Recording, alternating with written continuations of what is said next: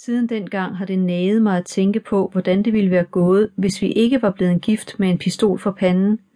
Han ville med garanti ikke have giftet sig med mig, hvis han havde kendt Serena Gorringe fra slutningen af 80'erne.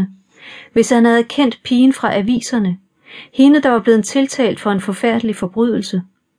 Men han kendte hende ikke. Han mødte den virkelige mig, og det var mig, han lærte at kende.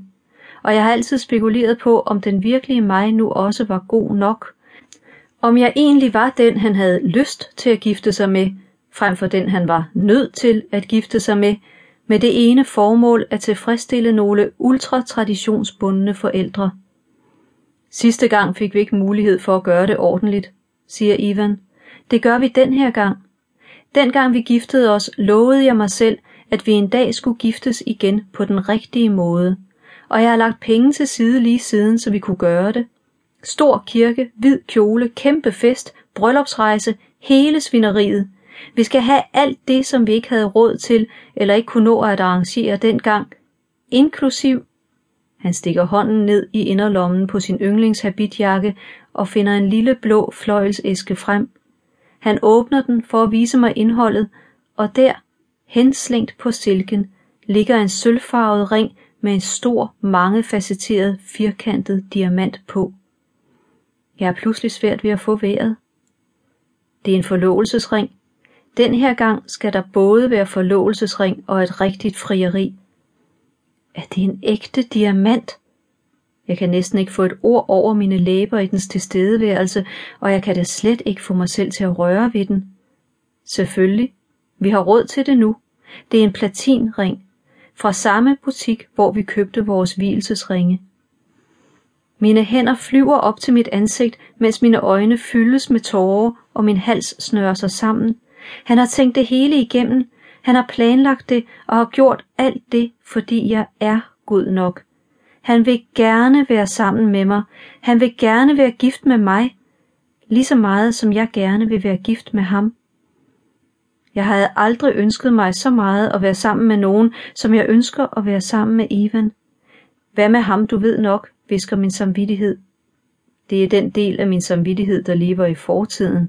Den forguder fortiden, klynger sig til den og forsøger beslutsomt at blande fortiden ind i nutiden. Var det ikke ham, du ved nok, der var dit livs store kærlighed? Min samvittighed tager selvfølgelig fejl. Det er Ivan, der er det. Han er den eneste ene. Er du sikker, Serena? spørger min samvittighed spottende. Er du nu helt sikker på det? Jeg er sikker. 100% sikker. Min mand er den eneste for mig. Det jeg havde med ham, du ved nok, var ikke kærlighed. Det var ikke som det, jeg har med Ivan. Det var ikke det samme væsen. Hvordan skulle det kunne være det? Skat, siger Ivan på en måde, der fortæller mig, at han har forsøgt at råbe mig op flere gange. Undskyld, siger jeg. Jeg var langt væk. Et helt liv væk. Mit knæ er ved at blive koldt, og jeg er ved at blive lidt nervøs her, siger han. Nervøs? Hvorfor? Du har sådan set ikke sagt ja. Har jeg ikke, spørger jeg. Nej, det har du ikke. Åh. Han smiler det der karakteristiske brede smil. Skal jeg spørge dig igen? Jeg nikker ivrigt. Bare en gang mere, især nu hvor jeg ved, at der er en ring med i pakken. Okay, siger han og ryster påtaget opgivende på hovedet. Serena Gorange, han holder en kort pause, mens han skubber ringen halvvejs op af min finger, og jeg holder vejret, mens jeg forsøger at huske hver eneste lille detalje, fordi jeg gerne vil kunne genfortælle historien for børnene, mine søstre, mine forældre og alle, der gider høre på det. Vil du gøre mig til den lykkeligste mand på denne jord og gifte dig med mig og blive Mrs. Gilmar igen? Han skubber ringen på plads ved siden af min hvilesesring. Jeg glemmer helt at trække vejret, mens jeg nøje studerer de to ringe. De passer perfekt sammen og ser ud som om de er blevet skabt til hinanden. Som om intet nogensinde kan adskille dem igen. Selvfølgelig vil jeg det, siger jeg, og springer op, mens han møjsommeligt kommer på benene. Selvfølgelig vil jeg gifte mig med dig igen.